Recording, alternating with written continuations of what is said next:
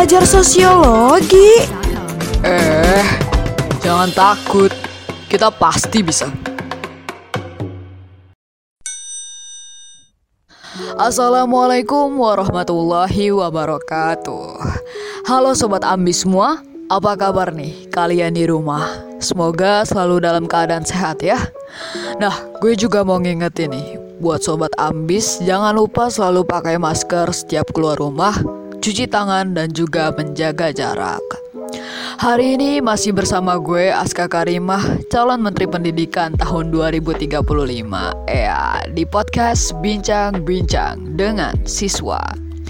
Tentunya kali ini gue nggak bakalan sendirian karena gue ditemenin sama teman-teman dari SMA Negeri 12 Jakarta, kelas 12 IPS 2. Nah, tapi sebelum mulai, gue mau minta teman-teman di sini buat perkenalan dulu dong sama sobat ambis di rumah. Ada siapa aja sih emangnya? Halo, kenalin nama gue Dea. Halo, kenalin nama gue Devia.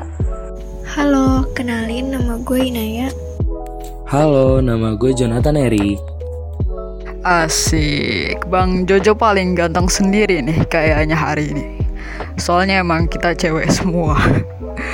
Nah ya, sebelumnya gue juga mau ngucapin terima kasih buat teman-teman yang udah nyempetin waktunya buat belajar bareng sosiologi sama gue di hari ini. Nah, jadi di episode kali ini gue udah nggak sabar pengen ajak teman-teman buat diskusi bareng mengenai salah satu masalah sosial yang masih banyak terjadi di lingkungan masyarakat kita. Kira-kira ada yang tahu nggak nih kita mau bahas materi apa hari ini? Hmm, kenakalan remaja. Bukan. Yang lain ada lagi nggak nih yang bisa nebak? Kejahatan. Hmm, salah. Bukan kejahatan yang mau kita bahas hari ini. Pasti kemiskinan ya?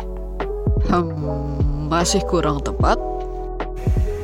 Hmm, ketimpangan sosial bukan? Yes, betul banget. Jadi hari ini kita bakalan bahas materi ketimpangan sosial khusus di bidang pendidikan. Nah, buat sobat ambis di rumah pasti penasaran kan gimana kelanjutan ceritanya? Makanya tetap stay tune di podcast Bincang Bincang dengan Siswa.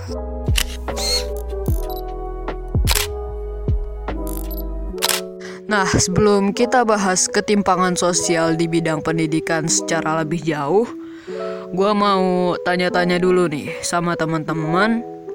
Menurut kalian ketimpangan sosial itu apa sih?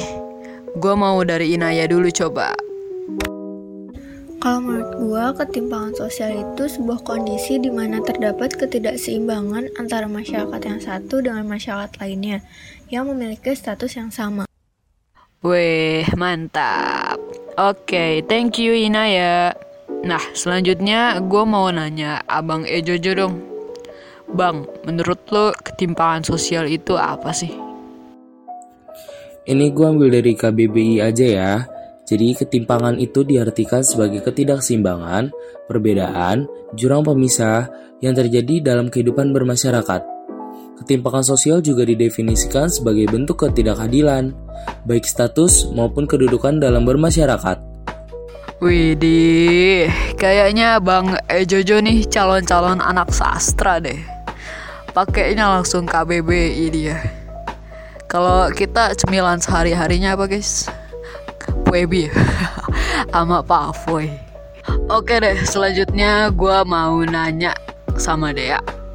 Dek, menurut lo ketimpangan sosial tuh apa, Dek? Kalau menurut gue ya, ketimpangan sosial tuh ketimpangan yang terjadi akibat adanya perbedaan kesempatan di dalam masyarakat untuk mengakses berbagai kehidupan sosial. Nih ya, gue kasih contoh. Contohnya tuh kayak kebutuhan pokok, jaminan kesehatan, dan pendidikan yang berkualitas. Oke, okay, thank you Dea. Wah, komplit banget ya tadi jawabannya. Nah, yang terakhir nih, gue mau nanya dong sama Devia. Uh, apa sih definisi ketimpangan sosial menurut salah satu ahli sosiologi yang lo tahu? Jadi menurut salah satu ahli sosiologi yaitu Budi Wirnarno, dia ini mendefinisikan ketimpangan sosiologis sebagai kegagalan pembangunan di era globalisasi untuk memenuhi kebutuhan fisik dan psikis warga.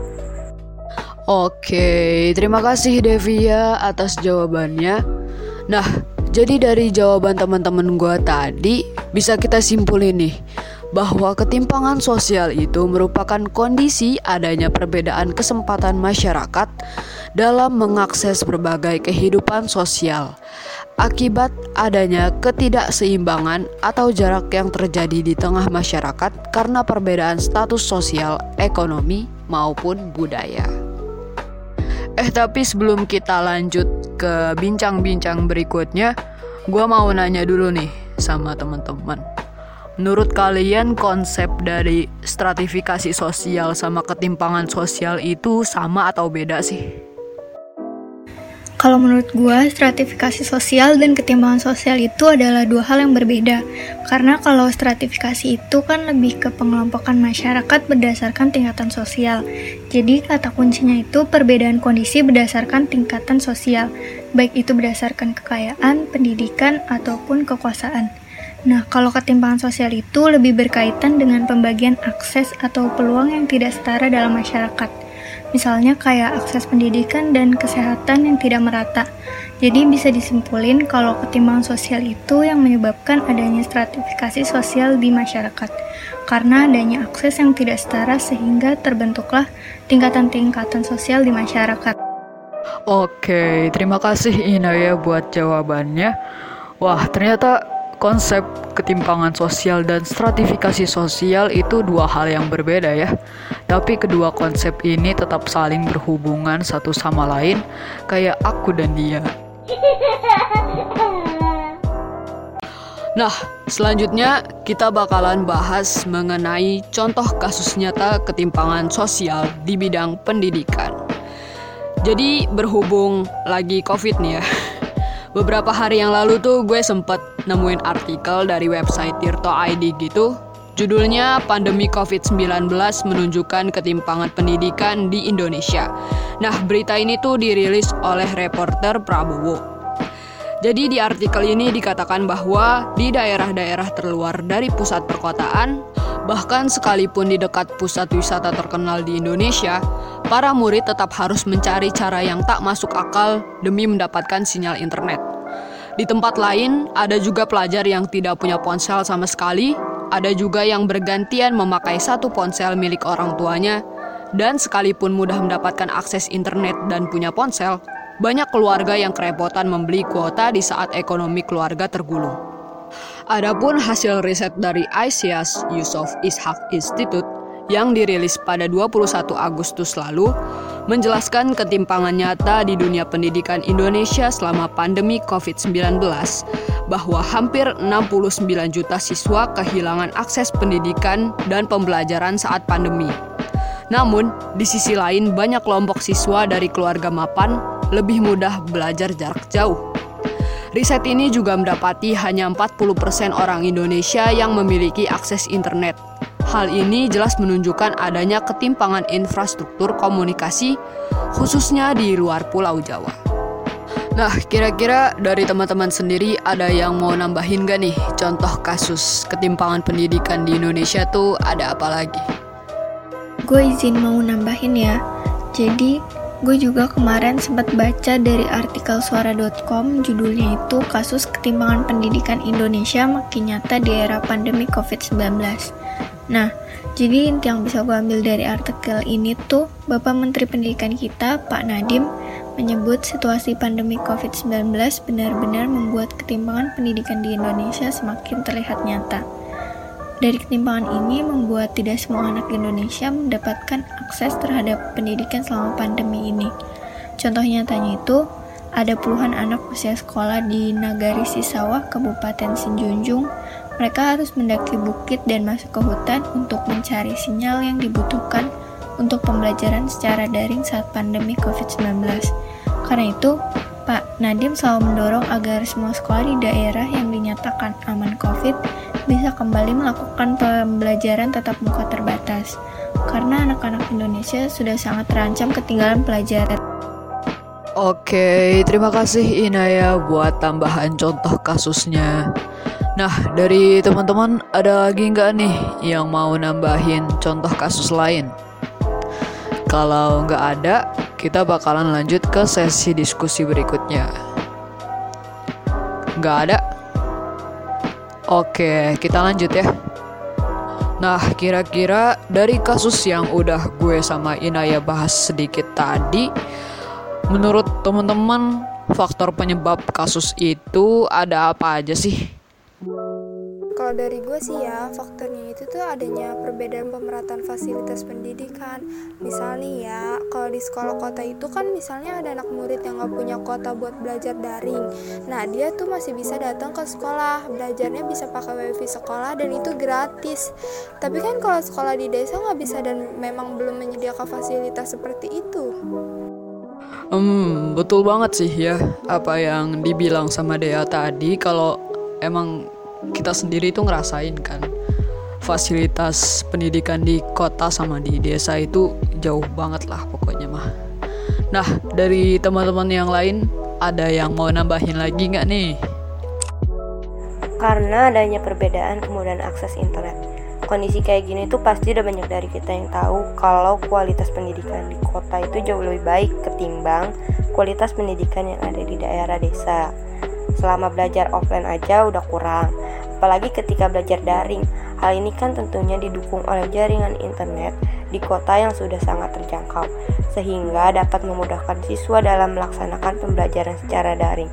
Sedangkan kalau di sekolah-sekolah daerah itu kan masih sulit, bahkan jaringan seluler dan internet aja tidak terjangkau karena daerah tersebut sulit ditempuh kalau hanya melalui jalur darat, sehingga menghambat pembangunan akses internet.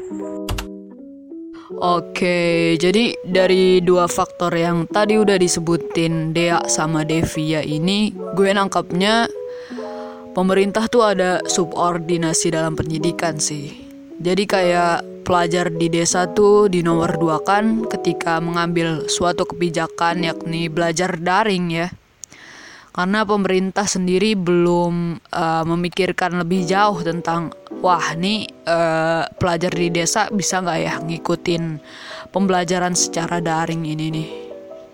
Nah oke okay, selanjutnya dari Inaya sama Jonathan ada lagi nggak nih guys yang mau ditambahin?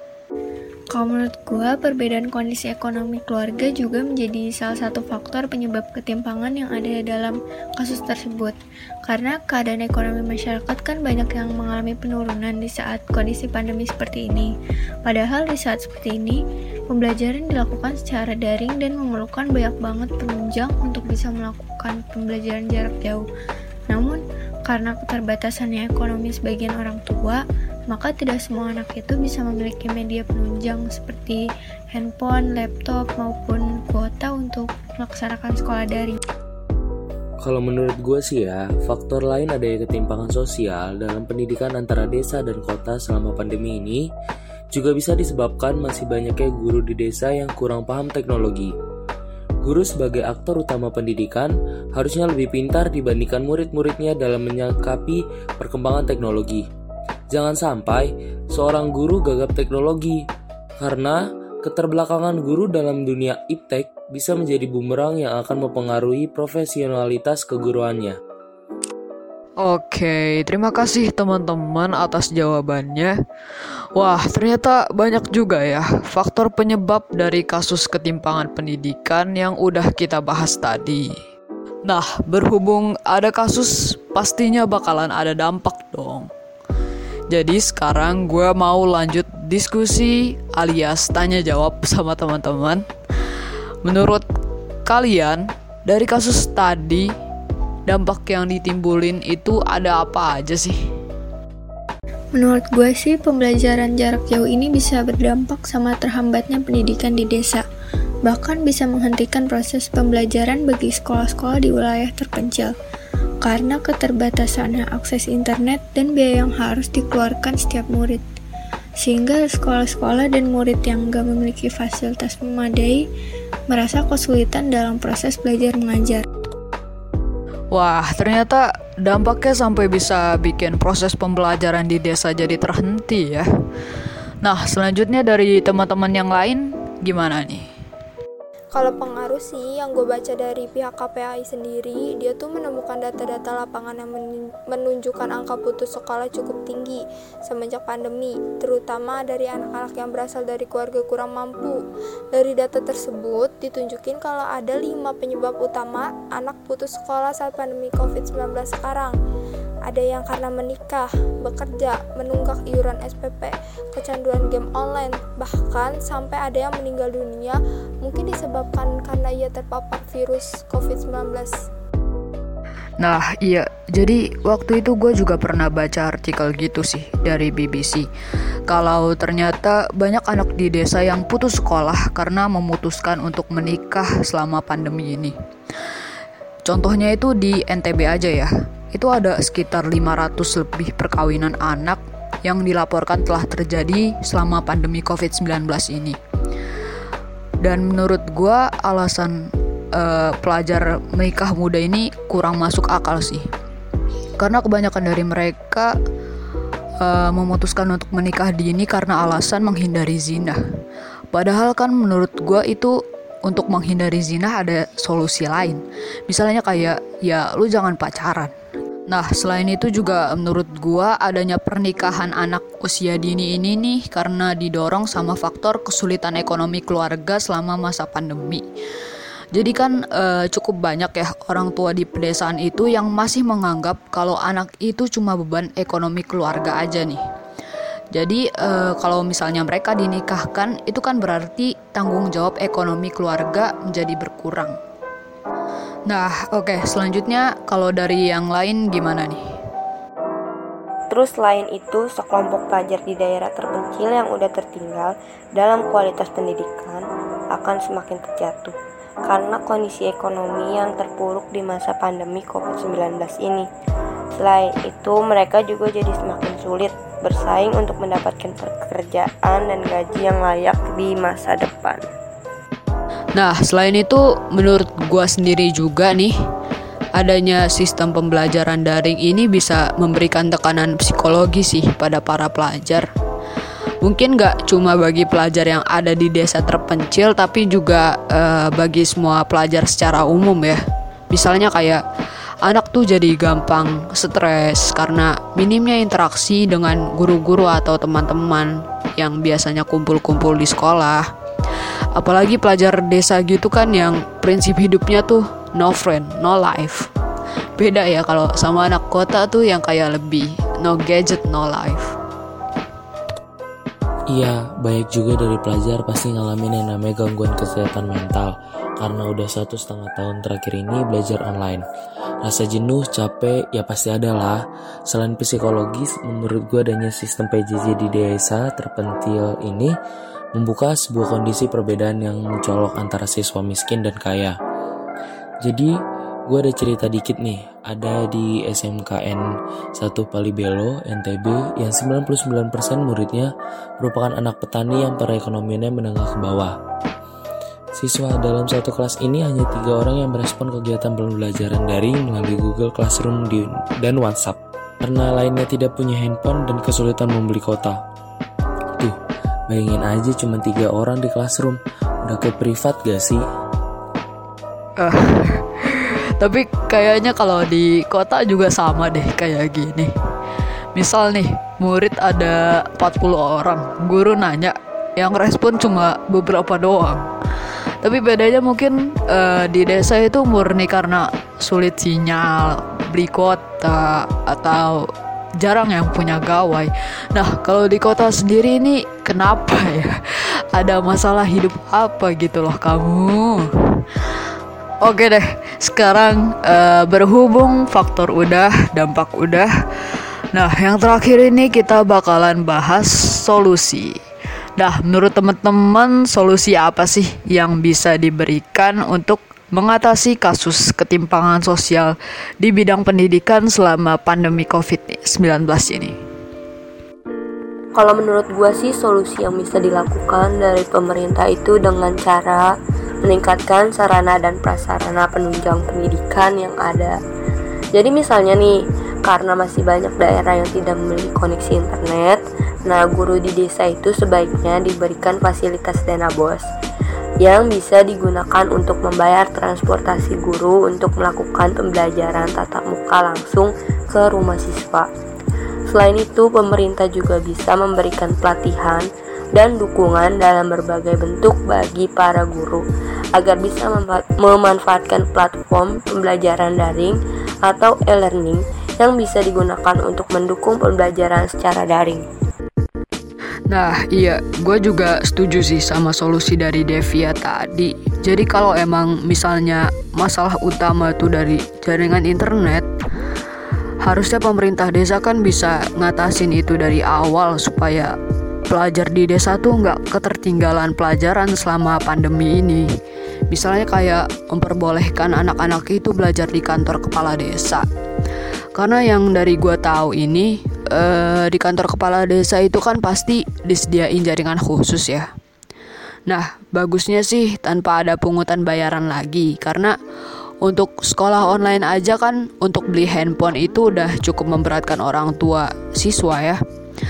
Selain itu juga uh, menurut gue pemerintah tuh harus ada pemasangan tower penangkap sinyal dalam waktu dekat ini sih di desa supaya permasalahan kayak jaringan internet ini tuh bisa segera diatasin. Karena Indonesia sendiri kan udah masuk era digital ya. Seharusnya masalah kayak jaringan ini nih udah nggak ada lagi lah.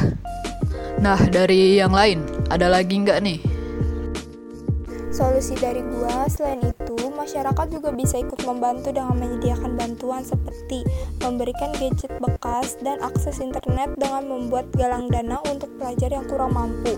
Selain itu juga dari orang tua siswanya sendiri nih harus bisa belajar bagaimana mengoperasikan handphone dan orang tua juga harus bisa mengawasi anak-anaknya dalam menggunakan handphone agar tidak membuka situs-situs yang belum umurnya.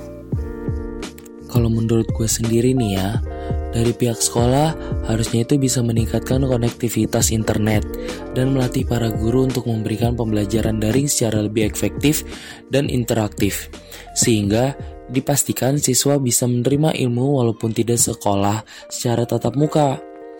Selain itu, tugas yang diberikan harus dievaluasi kembali apakah sudah tepat dan bisa mengembangkan kemampuan siswa dalam memahami materi atau menambah beban pikiran siswa saja. Hal ini perlu dilakukan supaya proses pembelajaran tetap jalan walaupun kondisi yang belum memungkinkan. Nah, terus juga dari kita sendiri sebagai pelajar, kita harus bisa tetap berkomunikasi dengan guru dan teman sekelas jika emang ada kendala dalam mengikuti PJJ. Terus juga harus ada kerjasama yang baik dari pihak pemerintah, sekolah, dan orang tua untuk peningkatan kualitas pendidikan. Selain itu, untuk mengatasi permasalahan ketimpangan pendidikan dalam pembelajaran di masa COVID ini, perlu dikaji ulang mengenai media pembelajaran yang digunakan, juga strategi pembelajarannya, dan metode pembelajaran daring di wilayah pedesaan. Oke, nah yang terakhir nih, solusi dari gua sebagai sesama seorang pelajar juga buat kalian semua pelajar di Indonesia, khususnya pelajar di desa, Jangan lupa untuk tetap berpikir positif apa pun yang terjadi selama pandemi ini. Gue tahu kalian pasti capek, lelah, dan punya banyak masalah selama pembelajaran daring ini mulai dari kuota internet, jaringan sinyal, HP rusak, dan lain sebagainya.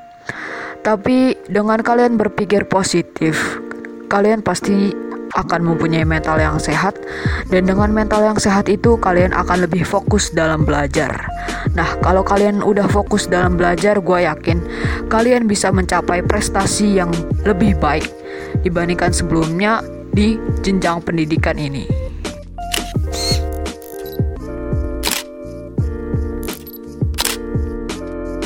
Wah, gak terasa ya podcast kita di episode kali ini selesai juga. Oh iya, sebelumnya gue mau ngucapin terima kasih ke teman-teman yang udah berani menyatakan pendapatnya di hari ini dan diskusi bareng sama gue. Nah, buat sobat ambis semua nih, sekarang kita udah tahu kan kalau ternyata masalah ketimpangan sosial di bidang pendidikan ini nih ternyata banyak banget ya faktor sama dampaknya, terutama bagi kita para pelajar. Tapi kalian gak usah panik dan tenang aja karena setiap masalah pastinya bakalan ada solusi. Nah, dari banyak solusi yang udah kita bahas tadi, gue berharap semoga solusi tadi bisa diterapin oleh semua pihak untuk mengurangi tingkat ketimpangan sosial di bidang pendidikan. Nah, buat sobat ambis semua, jangan lupa untuk terus mendengarkan episode kami selanjutnya hanya di podcast Bincang Bincang dengan Siswa. Bagi kalian yang ingin kirim kritik atau saran, bisa langsung kirim DM ke Instagram gua di @aska.underscore. Gua dan teman-teman mohon pamit. Akhir kata, wassalamualaikum warahmatullahi wabarakatuh. Salam sosiologi.